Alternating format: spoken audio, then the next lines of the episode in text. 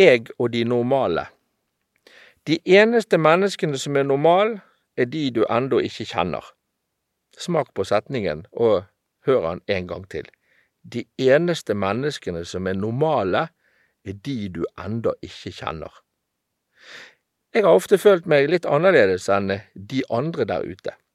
I min familie finnes det nemlig hemmeligheter. Det finnes sykdom som ikke er synlig, og episoder som har blitt dysset ned, det finnes historier som ikke kan eller skal fortelles. Alle de andre normale heldige som slipper å måtte forholde seg til alt det unormale, ubehagelige og hemmelige som skjules i familien min.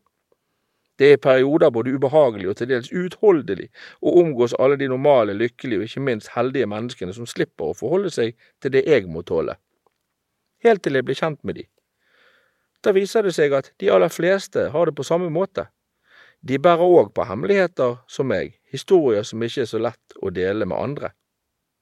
Det kan være dystre ting vi bærer på alene, og som kan ete oss opp fra innsiden. Derfor er det viktig å kunne snakke sammen.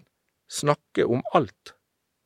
Den gode samtalen, det at en har noen å snakke med, er ofte alt som skal til for at en kan bearbeide det vanskelige. Da viser det seg at vi sliter med det samme. Det vi sliter med er ikke så unormalt, og at det er vi som har hemmeligheter, som er de normale.